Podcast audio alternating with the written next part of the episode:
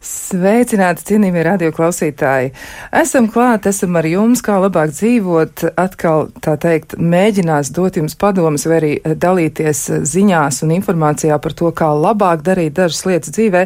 Un šoreiz tiešām diezgan nopietna saruna, un klausītājs jau iepriekš grib aicināt iesaistieties mūsu sarunā. Noteikti uzdodiet jautājumus, esiet aktīvi. Proti, šodien mēs runāsim par to, eh, kas ir, nu, ja tā var teikt, definēts cilvēku tiesību deklarācijā, proti par to, ka cilvēkam ir tiesības dzīvot kvalitatīvu dzīvi līdz savai pēdējai dzīves stundai. Proti, mēs šodien runāsim vairāk par paliatīvo aprūpi, paliatīvo medicīnu.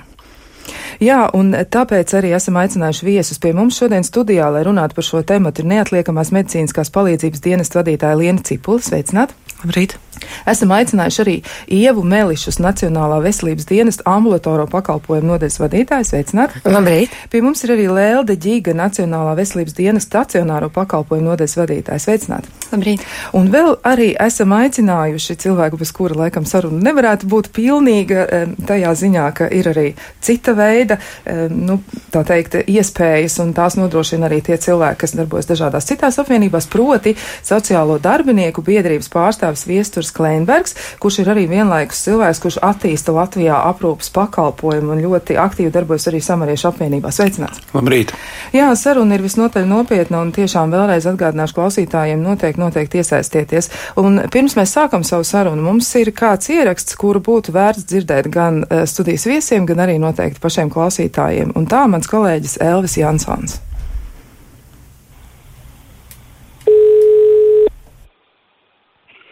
Svētā Jāņa palīdzība. Sveicināti. Sakiet, cik es saprotu, man internets izmet ārā, ka jūs nodarbojaties ar aprūpētāju sameklēšanu cilvēkiem. Jā. Situācija ir tāda, ka man te kaimiņš pāri 80 gadiem un izskatās, ka mm, viņam kļūst ar vien sliktāk un sliktāk, un patiesībā viņš jau tikpat kā nespēja kustēties. Nu, mēs tur tā kopējiem spēkiem tur it kā viņam palīdzam, bet, bet vajadzēs mm, nu, kaut kādu īpašu aprūpētāju. Es nezinu, uz tām valsts struktūrām es šobrīd esmu zvanījis, tur pagaidām klusums neviens neatbilda. Jūs pirmie, kas pacēla klausuli. Sakiet, vai tas vispār ir iespējams un kas tur būtu jādara? Jums vajag vērsties pie viņa ģimenes ārsta, ka nepieciešams aprūpi mājās. Jā, un tālāk? Tad ar to izziņu izraksta dos ģimenes ārsts kaimiņu iesniegumu sociālā nodaļā un vajadzēs deklarāciju kaimiņam aizpildīt. Jūs varat aiziet, paņemt, viņš pats, ja nestaigās, neiet no mājas ārā. Nē, laikam jau, nu, tad viņi mēģina, bet vairs, vairs, vairs laikam nav. Ja ienākumi ir mazāki par 430 mēnesī, tad to pašvaldība atmaksā pakalpojumu. Bet tam vajadzēs deklarāciju aizpildīt. Jūs faktiski varat arī uh, varbūt, nu, vispār jau viņam pašam tā kā vajadzētu to ja nevar, nu, tāds, nu, ziniet, jau tās demences un tā, un, un, un, ka, ka tur jāmeklē kāds radinieks. Varētu jau arī radinieks, varētu jūs, viņš viens pats dzīvo, ja? Jā, jā, jā, jā. Nu, ja tā ģimenes ārsta izziņa un viņa to iesniegumu, varbūt, ka var kāds ar viņu aizbraukt līdz tam teritoriālam centram, tur sociālam dienestam. Tas ir pašvaldības, respektīvi Rīgas, jā, tas ir kaut kāds. Jā, tas... Tur, tur ir jābrauc tad personiski, jā, tad viņi nevar nekādu ne, neizsaukt. Nu, tad deklarāciju viņam vajadzētu tā kā parakstīt, jo jūs varbūt varat aiziet un tad, kur jūs zinat, kur jūsu ir tas uh, rajona nodaļa? Nu, tad mēģināšu noskaidrot pagaidām īsti skaidrību. Avoti, avoti jau 31, otrais korpus. Otrais korpus, jā. Mhm. Ja būtu, teiksim, aprūpētājs, tas varētu aiziet, paņemt deklarāciju, aiznest viņam parakstīt, bet par cik tas pirmā reize, nu, piezvaniet un parunāties, vai, nu, nu, varbūt viņš pats var, varat iesēdināt viņu taksometrā aizvest, lai tad tā tur parakstītu to deklarāciju. Nu jā, tad. Pēc tam turpmāk jau tad, tad, tad to aprūpētājs darīs, jā. Ja? Skaidrs. Man no sākuma jāgriež šo centru un tad tālāk tad uh, skatīties, kas notiek. Uh, jā, nē, nu sākumā ar ģimenes ārstu ģimenes un tad ar uh, viņa iesniegumu uz to centru var. Skaidrs. Jā, labi, nu paldies, jā, visu labi. Jā, labi, visu labi. Izmisuma zonā. Paliatīvā medicīna Latvijā. Jā, nu, saruna bija diezgan gāra, ja tā var teikt, un laikam tomēr daudz problēmas arī vienlaiks iezīmējās. Tas, ko es atzīmēju sev, Nu, tādu kontrastu es tur eh, jūtu, redzu, saprotu, ja tā var teikt. Nu, kaut vai, piemēram, tajā, ka cilvēks nevar iziet ārā no mājas un vienlaiks arī viņam tiek piedāvāts kaut kur doties, iesēdināt viņu taksometrā. Man liekas, ka tā jau ir problēma. Kā jūs vispār komentētu palietīvo medicīnu Latvijā un varbūt fokusējoties vairāk uz palietīvo aprūpi? Tātad, kas ir tas, ko jūs no šīs sarunas dzirdat, kas ir tas, ko jūs varētu teikt? Kā jūs to komentējat? Varbūt sāksim ar, ar, ar jā, sāksim ar Nacionālo veselības dienestu. Tātad, ambulatorā aprūpe. Jā, tā tad um, tas, ko um, vēlo, vēlos nospraust jau diskusijas sākumā, ir tas, ka tā tad paliatīva aprūpe ir tādu pacientu aprūpe, kurām radikālās terapijas metodas, nu, iespējas ir izsmeltas, ja, un uh, paliatīva aprūpe ir saprotama gan onkoloģisko pacientu kontekstā, gan arī, piemēram, pacientiem ar neonkoloģiskām slimībām, piemēram, pēc smadzeņu triekas. Uh, Un, un principā, ja mēs runājam šajā gadījumā par paliatīvo aprūpi medicīniskā plānā, jā, tātad no Nacionālā veselības dienesta kompetences puses, gribētos teikt, ka ambulatori tātad par šāda veida aprūpi kompetence ir ģimenes ārsts. Un, un, un tātad um, šis ģimenes ārsts, viņam ir tiesības tātad veikt visu, jā, lai noņemtu šīs slimības uh, simptomātiku un, un, un, un um, kas ietver dažādu kompensējumu medikamentu izrakstīšanu, kas ietver arī dažādas atsāpināšanas un izmeklējuma nu, pasākumus, jā, un, un arī tāpat arī brūču kopšana. Un, un, un, un, protams, arī pacientu un viņu tuvinieku izglītošana par šo procesu. Jā, bet šajā piemērā cilvēks dzīvo viens. Um, šajā Kas gadījumā, protams, viņa brūces, ja viņam nav neviena cita, kādā veidā notiek šī piesaistīšana, tad, tad konkrēti runāt par aprūpētāju. Kā ambulatorā situācijā, kad cilvēks atrodas mājās, viņa situācija ir tāda, ka viņš ir aprūpējams, tad, tad ir viņa vajadzības tieši tādas, kā tas notiek. Tātad ģimenes ārsts, tur bija šis piemērs ģimenes ārsts iesniegums, tad deklarācija jāpierakst, Jā. ja kungam būtu kaut kur jādodas, bet viņš doties nekur nevar, tad kāds ir risinājums? Protams, ka šajā gadījumā tātad ambulatorija palietīva aprūp šajā gadījumā tātad organizē ģimenes ārsts, jā, ir jāvēršās pie viņa um, skaidrojot šo situāciju. Un, protams, kad ir šajā gadījumā ir jā, jāsaprot, kā, kas, kāds ģimenes ārsts kurā rajonā viņam ir. Un tad var vērsties pie šī ģimenes ārsta, runāt uh, par šo problēmu. Ģimenes ārsts var izrakstīt nosūtījumu veselības aprūpē mājās. Viņš var arī pati, pats iet uz mājas vizīti pie šāda veida pacienta. Ja šajā gadījumā viņam ir, piemēram, Tur, protams, ir jāzina, būtu vēlams zināt cīkāk, kādas tur ir diagnozes un, un tā, bet principā pietiktu ar to, ka viņam ir pārvietošanās traucējumi un plus arī tas vecums. Jo šajā gadījumā arī mājas vizītes, kas ir pie vecāka gada gājuma cilvēkiem, arī ģimenes ārsts var veikt. Protams, ka šajā gadījumā ir um, jāņem vērā arī tas, ka uh, ģimenes ārsts varbūt to ne visi var to izdarīt tajā pašā dienā, kad, protams, viņam ir jāzvana, vai vislabākais, protams, viņu apmeklēt un sarunāt šo te vizītes laiku Un, un, un tad eh, kop, kopistiski ar ģimenes ārstu lemt arī šo jautājumu tālāk par šīm veselības aprūpes mājas saņemšanas iespējām. Jā, nu, bet tad tāds iejūtīgs kaimiņš, kā šajā gadījumā izrādījās Elvis, tad viņš var zvanīt ģimenes ārstam un šī cilvēka vārdā arī runāt, ja tas nav iespējams pašam kungam, viņš ir tiešām stipri gados. Nu jā, es gribētu teikt tā, ka noklausoties arī to sižetu, ko Nacionāla veselības dienesta pārstāvi saka, šeit jānodala tas jautājums, vai šī ir tiešām paliatīvā aprūpe, vai šī ir sociāla aprūpe mājās, kas ir vajadzīga cilvēkam vai šī ir veselības aprūpe, kas ir vajadzīga kaut kāda pēc ambulatorā vai stacionārā apmeklējuma vajadzīga šim cilvēkam. Man godīgi sakot, vairāk izklausījās, ka tā ir sociālā aprūpe, kas ir vajadzīga cilvēkam, kurš nespēja par sevi parūpēties, kur funkcionālās spējas ir zudušas un viņam ir nepieciešama palīdzība ikdienas darbos, ja, jo viņš netiek vienkārši vairs galā. Un šeit ir tas stāsts tiešām, ka tā pirmais ir, protams, ģimenes ārsts, kurš konstatē, ka viņam šī funkcionēšanas spēja ir zudusi, un tālāk jau ir sociālais dienas. Un tas, ko es gribētu teikt, ka tajā sarunā parādījās, nu, cik man ir šobrīd zināms, un es sadarbojos ar vairāk nekā 40 pašvaldībām Latvijā, tad parasti tomēr sociālais dienas neliek nākt vecam senioram, kurš ir nespējīgs pārvietoties ārpus mājas, pildīt deklarāciju deklarāciju uz dienestu, bet dienesta darbinieks, sociālā dienesta darbinieks vai nu pēc cilvēka zvana vai pēc kaimiņa zvana, jo arī patiesībā kaimiņa zvans arī ir mutvārdu iesniegums sociālajā dienestā, tad ir, viņam ir jādodas pie cilvēka, jāizvērtē šī cilvēka funkcionēšanas spējas un jāpieņem lēmums par to, vai viņam būtu jāpiešķir šī sociālā aprūpa mājās. To dara sociālais dienests. Ja šeit ir vajadzīga vēl arī klāta medicīniskā aprūpa mājās, tad, protams, tas notiek sadarbībā ar ģimenes ārstu. Ģimenes ārstam ir jādod tātad attiecīgās slēdziens par nepieciešamību veselības aprūpē mājās. Nu, ja tā ir paliatīvā aprūpe, jau tas jau ir vēl komplicētāk vairāk.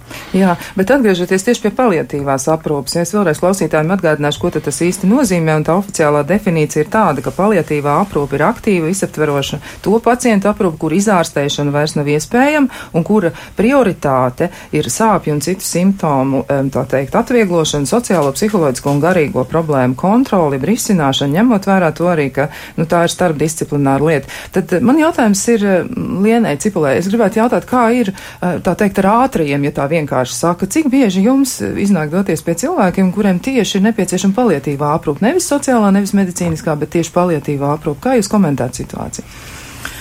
Um, Nu, es arī gribētu teikt, ka ir jānodala tīri paliatīvās aprūpas pakalpu pacienti, un tie um, iepriekšējā gadā bija apmēram 7000 pacienti, pie kuriem mēs devāmies tīri pēc indikācijām, ka izsākuma motīvs ir tikai un vienīgi sarežģījumi par onkoloģisku saslimšanu vai tiešām ne, atsāpināšanas nepieciešamība vai tiešām šis saucamais izmisums, ka nu, tas, um, tā situācija iet uz to, ka cilvēks atvadās no dzīves un piederīgie vienkārši nezin, kā rīkoties. Uh, un, protams, protams, arī viņiem pašiem varbūt ir pietrūkstošs atbalsts, izpratne par šo situāciju tam līdzīgi. Bet jāsaka, ka ja atkal šīs aprūpes kontekstā kopējās, gan sociālā, gan medicīniskā, arī jāsaka, nu tā, kas ir pirmais vista vai jola, jo um, ir situācijas, kurās nepietiekama sociālā uh, palīdzība vai atbalsts var nonākt līdz medicīniskām problēmām, jo pacients vienkārši, piemēram, nevar iegādāties medikamentus vai, vai nokārtot savu transportu uz, uz, uz stacionāru vai uz ambulatoru izmeklējumu, un otrs puses medicīniskas problēmas bieži vien kļūst par iemeslu sociālām, jo viņš atkal nevar doties ārā un sakārtot savas dzīves lietas. Un tāpēc tiešām, ja mēs no šī aspekta raugām, skatāmies, tad tur ir divas šķautnes vienmēr, kuras ir jāskata kopumā. Eh, medicīnā tiešām tas, pret ko mēs atduramies, ir neatliekamās palīdzības dienests, jo mēs esam tie, kuriem var piezvanīt un uh, lielākoties mēs uz tādiem izsaukumiem kur ir sāpes vai kaut kādas tādas situācijas arī dodamies, lai gan no otras puses tā būtu tīri, nu, galīgi nemaz ne neatliekamās medicīnas problēma, tas ir paliatīvais un sociālais aprūpas process, tas būtu jārisina citos līmeņos. Kur jūs redzat problēmas risinājumu, kā tas varētu notikt? Varbūt ir tie vājie punkti, tā teikt, varbūt jūs tos varat akcentēt un tad arī piedāvāt, nu, kā tad rīkoties? Nu, no sava viedokļa un arī no dienas viedokļa mēs redzam, ka faktiski tā ir nespēja sadarboties dažādām, uh, dažādām nozarēm, pat var teikt, kopumā, jo es gribētu teikt, ka gan ir paredzēti medicīnā visādas uh, sistēmas un atsāpināšanas palietīvajā aprūpē, ģimenes ārsta kompetences, uh, tāpat tās mājas aprūpē, ja vajag, piemēram, medmāsiņu, kas kaut ko pārsien, gan ir uh, sociālie pakalpojumi attīstās, bet, uh, diemžēl, šī tiešā uh, tiešām nesadarbošanās bieži vien novad pie tā, ka arī tie dienesti, nu šeit arī mēs te dzirdējām, ja, no sākuma pie ģimenes ārsta, tad pie sociālā, vai no sākuma pie sociālā, tad pie ģimenes ārsta, un tad nevar saprast, kurš tad ir tas pirmais. No acīm redzot, tā sistēmiski raugoties, būtu jābūt kaut kam, kas vieno kādai vietai vai taurunim vai iestādē, kura vieno šīs lietas un skatās uz šo pacientu kopumā, nevis katrs uz savu problēmu šauri, tagad viņam vajag uh, pārsiešanu, tā tad mēs mēs viņu pārsiesim, bet tas, ka viņam varbūt vajag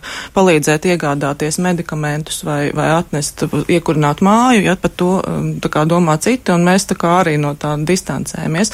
Un šis ir jautājums, es gribētu teikt, kurš jau ir da, gadu desmitiem dažādos veidos locīts, un diemžēl ir šai dienai varbūt šīs jaunās sabiedriskās aktivitātes atkal tam pievērsīs uzmanību, ka mēs uh, varēsim atrast dialogu par to. Jā, nu arī bija tā, ka Klemberga kungs teica par to, ka ir tie trīs varianti, ja, ka tā tad vajadzētu saprast, kas ir, kas varbūt arī klausītājiem precizējiet, kāda tad ir tā pamata atšķirība, jo klausītāji tieši tā arī ir jautā, ja, kā tad, lai cilvēks parastais saprot, kura no aprūpēm tad ir nepieciešama. Varbūt vēlreiz tāda lakoniska definīcija. Jā, es varbūt tās par paliatīvo aprūpu nebūšu tik liels eksperts, lai pateiktu to definīciju, kur, ko jūs lasiet vai atkārtojat, bet tā tad, kā jau Liena teica, ka Tad cilvēkam var būt dažādas problēmas. Ja viņam vienkārši ir nevis, viņam nav jābūt obligāti konkrēti veselības sācinājumam, kaut kādām problēmām, bet viņš vienkārši kaut vai vecuma dēļ, vai arī pēc slimības, viņam ir funkcionēšanas spējas zudušas. Nu, piemēram, nu, kaut vai pat, piemēram, cilvēkam, kuriem ir laustas abas divas rokas, nu, nu, un viņš dzīvo viens pats. Nu, viņš nevar sev ne pagatavot ēst, ne aiziet uz veikalu. Nu, tātad viņam jāvēršas ir, un viņam nekāda tuvinieka nav, kas palīdz, tad viņam ir jāvēršas sociālajā dienestā pēc palīdzības, lai, lai atrisinātu šo īslaicīgo problēmu, ka viņš nespēja sevi aprūpēt. Bet tad, tad būtībā pamatā, pat ja tā ir medicīniska rakstura problēma, nosauksim to tā veselības problēma, ja tā tad laustas rokas, nu tāds skarbs piemērs, bet tā tad tomēr viņš vēršas sociālajā dienestā. Jā, viņam jāvēršas sociālajā dienestā, un te šajā situācijā ir tā, ka, ja normatīvi paredz to, ka ir jābūt šeit ārsta izziņā, tad sociālās dienas, ja tajā brīdī, kad ir vērsies pie viņiem cilvēks, nav, nav bijis vēl bijis pie ģimenes ārsta, tad sociālais darbinieks viņam tātad ieteiks sazināties ar ģimenes ārstu un dabūt šo te īziņu, izziņu, kamēr notiek procesa izvērtēšanas, kāda palīdzība viņam ir vajadzīga. Savukārt, ja cilvēkam ir veselības sācinājumi pēc slimnīcas vai, vai, vai viņam ir tam pašam aprūpējam, sociāli aprūpējam, guļošam cilvēkam, piemēram, sāk rasties kaut kāda izgulējuma un tam līdzīgas lietas, vai viņam ir nepieciešama sistēma kaut kādu medicīnisku iemeslu dēļ, tad viņam ir jāvērš pie ģimenes ārsta ģimenes ārsts tad uh, atkal nosaka šo te uh, ārstēšanas veidu un nosaka šo veselības aprūpi mājās, dod nosūtījumu veselības aprūpē mājās, kur finansē valsts. Tas, ko es bieži vien redzu, it īpaši lauku reģionos, ir tas, ka, diemžēl, ģimenes ārsti nevienmēr informē šos cilvēkus par to, kā, kāda viņam palīdzība bijusi. Man ir bijusi situācija, kur, kur mēs aprūp, sākam aprūpēt cilvēku, kurš ir atgriezies mājās pēc insulta. Mēs nodrošinām viņam sociālo aprūpu, mēs konstatējam, ka viņam neviens nav pateicis, ka viņam pienāktos valsts apmaksāts veselības rehabilitācija pēc insulta vienkārši neviens nav pateicis, jo viņa ģimenes ārsts tajā brīdī ir bijis atvaļinājumā, un otram ģimenes ārstam, laikam, nav, kas viņu ir aizvietojis, nav bijis laiks. Tas, ko es tiešām saku, un kas ir ļoti labi, ka jūs šodien runājat par to, ir informācijas trūkums, un cilvēkiem tas tieši tas uh, jautājums, kas, kāda veida viņam palīdzība vajadzīga. Un es teiktu, ka, ka sociālais dienas šajā situācijā, cilvēkam ir neskaidrība, ir viens no tiem punktiem, kur viņš tiešām var vērsties, un sociālais dienas jau spēs atšķirt, ja tā nav sociāla problēma, bet medicīnas problēma, tad viņš vērsīs to uzmanību uz ģimenes ārstu. Un vēl, protams, ir ļoti svarīgi arī ģimenes ārstiem. Ja, ja ģimenes ārsti, ja jūs redzat savā redzeslokā, jums ir slimnieki, kuriem ir veselības problēmas, un, un šo veselības problēmu dēļ viņi netiek sociāli galā ar kaut kādām lietām, nu esiet laipni, paceliet telefonu klausuli un piezvaniet tam sociālam dienestam. Nu, tas nav tā, ka jums ir aizliegts teikt, ka jums kādam cilvēkam ir slimība. Un tas, ko es vēlreiz un vēlreiz saku, arī kaimiņi Mums bieži vien ir tieši kaimiņi, tas, tas nav tāds izdomāts gadījums kā Elvis Zanīta. Tieši tā, kaimiņi, Jā, ir, tie, kas, kaimiņš, kaimiņi ir tie, kas piezvana un pasaka, klausieties, tur ir tāda alma stante, ja, kur man liekas, ka viņi vairs, nu, viņi nenāk no mājas vispār ārā, ko mums darīt. Mēs sakam, sociālām dienestam zvanam, sociālās dienas aizbrauc, konstatē, jā, tiešām cilvēks vairs nespēja par sevi pagādāt, viņam varbūt nav medicīniskas problēmas, bet viņš vienkārši nespēja vairs funkcionāli tikt galā ar sevi, nespēja sanest malku, nespēja ūdeņus sanest sanest, ja, kas viņam vajadzīga. Tātad viņam ir vajadzīga šī sociālā aprūpa mājās. Nu, paliatīva aprūpe, tas jau ir tas, ko meitenes kolēģis teica, ka tātad, ja jau tās indikācijas ir tādas, ka cilvēkam vairs nespēja palīdzēt, viņš ir aizējošs, te jau ir tā palīdzība kompleksāka. Bet viņi vienmēr būs, bet viņi vienmēr būs, ja tas cilvēks ir tīpaši ir vientuļš, tad viņi būs kompleksi. Te būs gan šī sociālais aprūpētājs nāks, kurš darīs savus darbus, kas ir saistīti ar to ikdienas soli, un nāks medicīniskais darbinieks, kurš nodrošinās šo te paliatīvās aprūpes sadaļu. Jā, nu tad, eh, ja mēs runājam eh, arī par turpinājumu tā teikt, tad eh, mēs vēl arī esam mēģinājuši precizēt, kāda tā situācija varētu būt arī citur, ne tikai Rīgā, un tāpēc esam sazvanījušies ar Līgu Kazlovsku, Latvijas lauku ģimenes ārstu asociācijas vadītāju, un mēģināsim tad uzklausīt, kā tad īsti ir situācija arī citur. Sveicināti! Labdien! Jā, mēs tātad gribētu jautāt, kā tad ir Latvijas laukos, kāda ir situācija, kas ir tas, ko mēs varētu, nu, vairāk varbūt saprast, kā tad notiek tur, kā ir, kā, kā jūs raksturot situāciju? Ar aprūpi un tieši ar medicīniski rakstura aprūpi lauka iedzīvotājiem, kā viņiem ir ar šo te visu? Nu, tā kā jau iepriekš arī kolēģi teica, situācija arī laukos ir ļoti dažāda, jo saistīts tas ir gan ar uh, infrastruktūru katras pašvaldības un, un, un iespējām e, no, no radinieku puses, jo viss vienmēr ir saistīts kopā, gan arī nu, viena no dabiski lielākajām arī problēmām ir šī informācijas, tāds, jāsaka, koordinācijas trūkums starp dažādām institūcijām. Bet eh, es gribētu teikt, ka nu, ir viena lieta, nu, vismaz jāsaka, lielai daļai ģimenes ārstu skaidra, kas saistās ar paliatīvo mājas aprūpi eh, no ģimenes ārstu puses, jo mums ir savi, savi likumdošanas akti, kur mums ir skaidri pateikts, ka šis pacients ir īstenībā aprūpējams saistībā ar noteiktiem veselības stāvokļiem. Un, un šie veselības stāvokļi mums arī šajos noteikumos ir pateikti. Jo no gada, šī gada, piemēram, palietīvā mājas aprūpi ģimenes ārsts pa brīvu veids arī e, pacientiem ar demenci smagu, ar eh, smagu šizofrēniju, piemēram, garīgās veselības problēmām, garīgu atpalicību smagu un pats par sevi sirdslimībām, pēc insulta, tur onkoloģija, parkinsonisms, ļoti daudzas slimības, ir, ieskaitot eh, izgulējumi. Bet um, vēl ir ļoti svarīgi, ka šī ģimenes ārsta palietīvā mājas aprūpe šīs vizītes, jā, ko apmaksā valsts pie šīm diagnozēm, e, tātad nu, mē, mēs sadarbojamies roku rokā ar māsas mājas aprūpi, arī ko apmaksā valsts. Tikai šeit ir lielā bēda tāda, ka e, šīs kvotas sevišķi uz gada beigām e, var beigties. Un tad, kad mums nepieciešams, piemēram, pacientam aprūpēt izgulējumus vai, vai, vai kā, kā, kā kolēģis teica, sistēmas uzlikt, tad, diemžēl, vienkārši valsts pakalpojums varētu būt beidzies. Nu, un eh, tad dabiski mums, un, un te arī tika pieminēts, saku tā, jo mana ir ikdiena, ka mēs zvanam savam kolēģim, jāsaka, es saku, zvans draugam, sociālais darbinieks, jo mēs bez tā, ko, mēs vienkārši strādājam komandā, es savādāk savu darbu nevarētu iedomāties. Un kas ir pirmais, kas otrais, tas varbūt pat nebūtu tik svarīgi. Eh, galvenais, lai vispār šī informācija par iespējām sabiedrībai cilvēkiem būtu pieejama. Jo, ja sociālais darbinieks redz, ka pacients ir aprūpējams dabiski, ka viņš sūta kādu radinieku vai, vai kaimiņu pie ģimenes ārsta, vai arī pats atnāk, vai arī, ja ģimenes ārsts pirmais konstatē, tad sazin, sazinās ar sociālo darbinieku. Jo sociālā aprūpe ar, ar, ar veselības paliatīvo aprūpi ir ļoti arī jāsaka saistītas un viena bez otras nevar iztikt. Sevišķi, ja pacients ir vientuļš. Un es gribētu teikt arī ļoti labus vārdus par samāriešu dienestu, jo, piemēram, mūsu Balvu novada pašvaldībai ir līgums ar samāriešu dienestu e, par visiem tiem e, pacientiem, kurus, kurus nu, teiksim, e, ilgstoši ir jāprūpē. Un, piemēram, tas gan ir maksas pakalpojums tad, ja ir radinieki. E, bet, bet ja tas ir valsts apmaksāts pakalpojums, tad līgums ar pašvaldību. Un, un, un es vismaz zinu nu, no, no savu pacientu puses tādus labus vārdus teikt par, par šo dienesta darbību. Un vēl, viens, vēl, viens, vēl viena iespēja, kas arī noteikti jāzina cilvēkiem, un, un, un kas arī, nu, teiksim, ko es kā ģimenes ārsts izmantoju ļoti, ļoti, jāsaka, čakli, bet tādēļ, ka tas ir uz pamati, pamata tāds balstīta lieta, tas ir, ja cilvēks ir tiešām aprūpējams e, un, un kopjams, tad, tad es kārtoju cilvēkam pirmās grupas invaliditāti ar aprūpes pabalstu.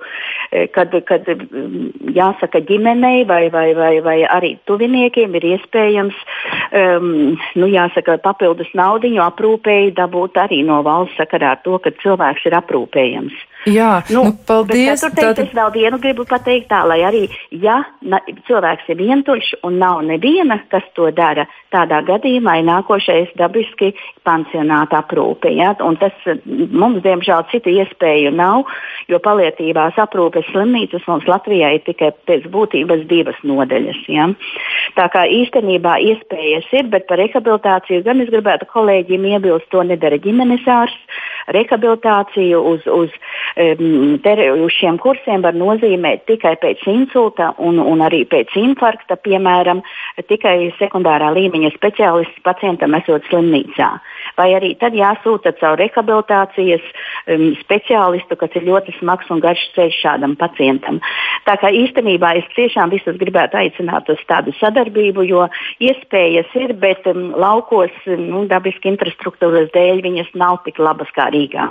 Paldies! Tomēr jūs ļoti daudz izstāstījāt par to, kā varētu rīkoties un kāda ir uh, sistēma, ja tā var teikt, kāda ir pieejama. Un patiešām paldies par jūsu uh, sniegto informāciju.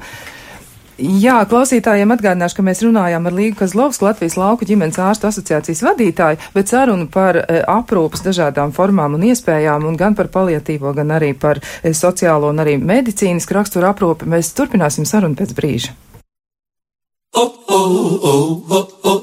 Kā labāk dzīvot?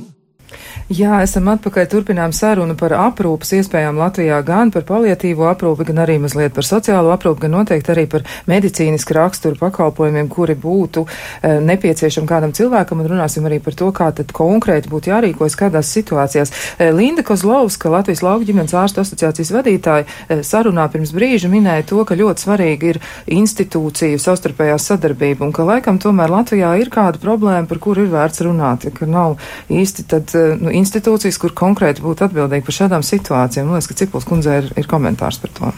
Nu, man ir jāpiekrīt, jo uh, faktiski vajadzētu būt tādai situācijai, ka jebkurš no iesaistītajiem, kas konstatē problēmas cilvēkam, vienalga vai tās ir sociālas vai medicīniskas, vai tas ir neatliekamās palīdzības dienests, kurš ir atbraucis, vai tā ir kaimiņiene vai, vai vēl kā, ka ir jābūt ļoti skaidram, kur vērsties, un ka tajā brīdī, kad es došu šo iesniegumu vai mutiski vai rakstiski, ieslēgsies kaut kāds mehānisms, jeb sistēma, kurā tam cilvēkam palīdzēs, jo pašlaik tā situācija tiešām tāda, ka situācijās, kad mēs arī neatliekamas palīdzības dienas cik dienu redz tos cilvēkus, kuriem tiešām ir gan sociālas, gan hroniskas medicīniskas problēmas, vienkārši, nu, tā tie risinājumi ir tikai tā, nu, ko tajā brīdī mēs paši pieņemam. Nu, vedīsim viņu uz slimnīcu, tur varbūt kāds palīdzēs. Mājās īsti atstāt nevaram. Radus meklēt mums arī tas nav mūsu funkcija, nav laika. Mēs esam dienests, kurš sniedz neatliekamo palīdzību. Un tad ir tā sajūta, ka visvieglāk būtu tad, ja būtu skaidra informācija, kur vai pats cilvēks vai mēs varētu dot šo informāciju tā, tur brauciet, tur dariet un kaut kas, kaut kāds ieslēgsies mehānisms.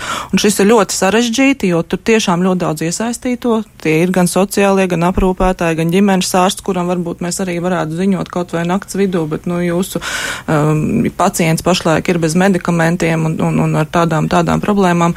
Bet ir jābūt tai sistēmā, un šī pašlaik nav. Ir, ir tikai tā, ka mēs varam nu, vai nu rīkoties pēc saviem ieskatiem, vai atstāt to cilvēku ar to savu problēmu turp, turpmāk, un tad paļauties uz to, ka kāds varbūt to pamanīs vai ieraudzīs. Un, un šis ir jautājums, pa kuru noteikti noteikti jānāk kopā. Es pat gribētu teikt ne tikai labklājības nozara un veselības, bet tās arī ir pašvaldība ārprātīgi liela iesaista, jo pašvaldības ir vistuvāk iedzīvotājiem. Viņi var palīdzēt gan ar transportu, gan ar visa, visa veida tiem atbalsta pakalpojumiem, kas nav saistīti ar medicīnu, un tā skaitā būt tie, kas to medicīnu tuvina vai palīdz tai medicīnai nonākt līdz tam pacientam. Un, nu, dienest, dienest izpratnē to, ko mani darbinieki saka, kas brauc brigādēs, viņi gribētu, ka viņi ziņo, viņi viņi redz, te nav neatliekama situācija, bet te noteikti ir vajadzīga palīdzība. Un lai tas nebūtu tā, ka pēc tam eh, tās vietas, kur viņi nonāk, ir stacionāri, kur faktiski arī nav tam piemēroti, lai risinātu šo sociālos jautājumus. Lai gan tas tagad tā notiek, pacients nonāk slimnīcā un tālāk slimnīcas sociālais darbinieks domā, ko darīt, meklēt pansionātu, kārtot ar pašvaldību sazināties. Faktiski veidojas situācija, ka tas tiek uzlikts kā papildu funkcijas slimnīcām, un tas nav pareizi. Tas nav pareizi, jā.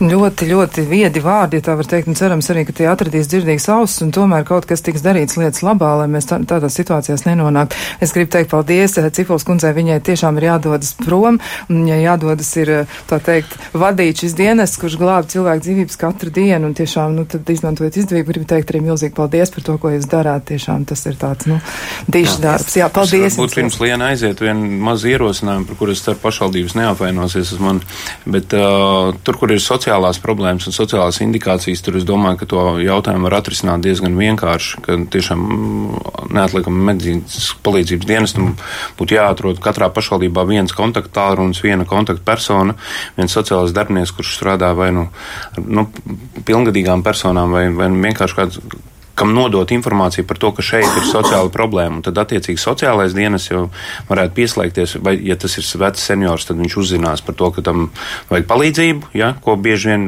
neuzzina, jo cilvēkam patiesībā Latvijā ir neērti un kauns zvanīt, lūgt palīdzību. Tā ir diezgan liela problēma, jo, ja mēs paskatāmies vēl arī pirms pieciem gadiem, tad pusē no Latvijas teritorijas, pusē no Latvijas pašvaldībām sociālā aprūpa mājās vispār nebija. Ja? Viņam, cilvēkam, vecam cilvēkam, kad viņam vajadzēja palīdzību, viņš saprata, ka, vai nu, ja viņš zvanīs, tad viņu vedīs uzreiz uz pansionātu. To cilvēks negrib. Ja? Šobrīd uh, Latvijā ir 18. gadā, skatoties pēc datiem, ir palikuši tikai 20 pašvaldības, kurās nav aprūpas mājās pakalpojuma uh, risinājumi. Ja? Tā kā te būtu vienkārši uh, nacionāla uh, neatliekama medicīnas palīdzības dienestam jāatrod dzirdīgas ausis pašvaldībās kontaktpersona, ar kuru nodot informāciju sociālajam dienestam, ja tā ir sociāla problēma. Ja tā ir medicīniskā problēma, te ir atkal tālāk jautājums jau Nacionālajam veselības dienestam. Jā, nu tad pievēršoties arī Nacionālajiem veselības dienestam un eh, tiešām eh, dāmām, kas atbild par šīm lietām, tā teikt, un varētu to komentēt, man gribētos jautāt Ievai Melišas un atgādināšu, ka viņa ir Nacionālās veselības dienesta ambulatoro pakalpojumu nodaļas vadītāja. Tad varbūt jūs varat precizēt, kas ir pieejams cilvēkam, ja viņam tiešām tas ir nepieciešams, kādas indikācijas tad ir svarīgas un kas ir tas, ko cilvēki varētu saņemt, kas kaut ko maksā un kas ir bez maksas. Tātad kādas ir iespējas? Jā, protams, tātad um, es pieskaršos galvenokārt ambulatoriem pakalpojumiem.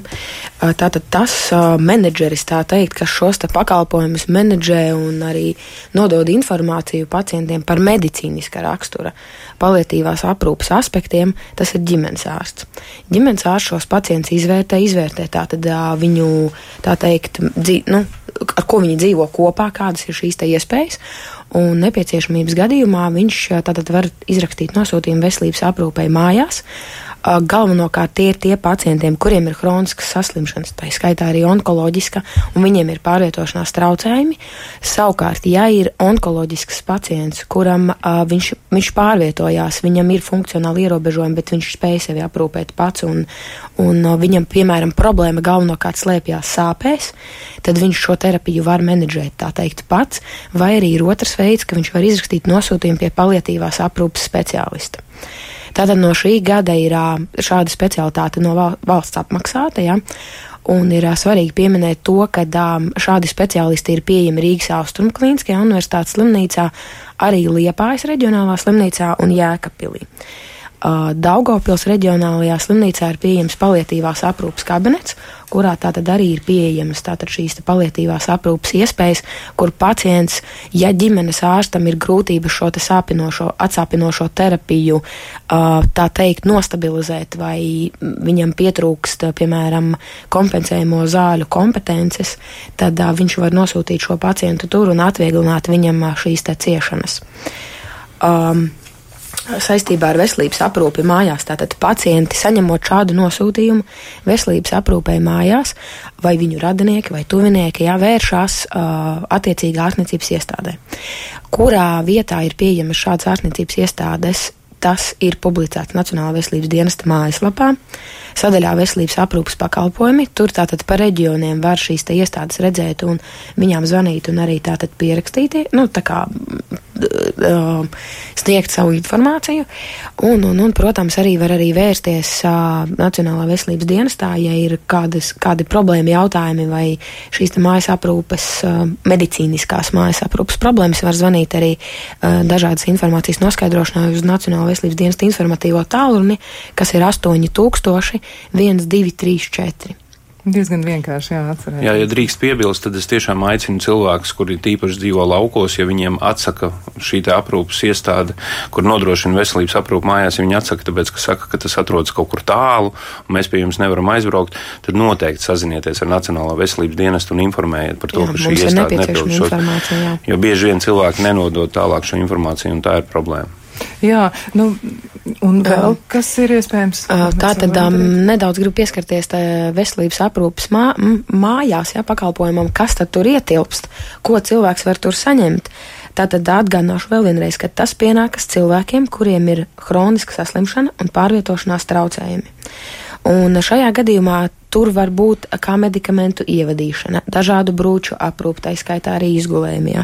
Tās ir ilgkatetru, uh, urīna un arī dažādu mākslīgo atveru, kā viņas tiek saukt, stomu aprūpe. Jā. Tāpat arī enterālās balo, ba, barošanas un, un, un, un arī ilgstošā plaukšu mākslīgā ventilācija.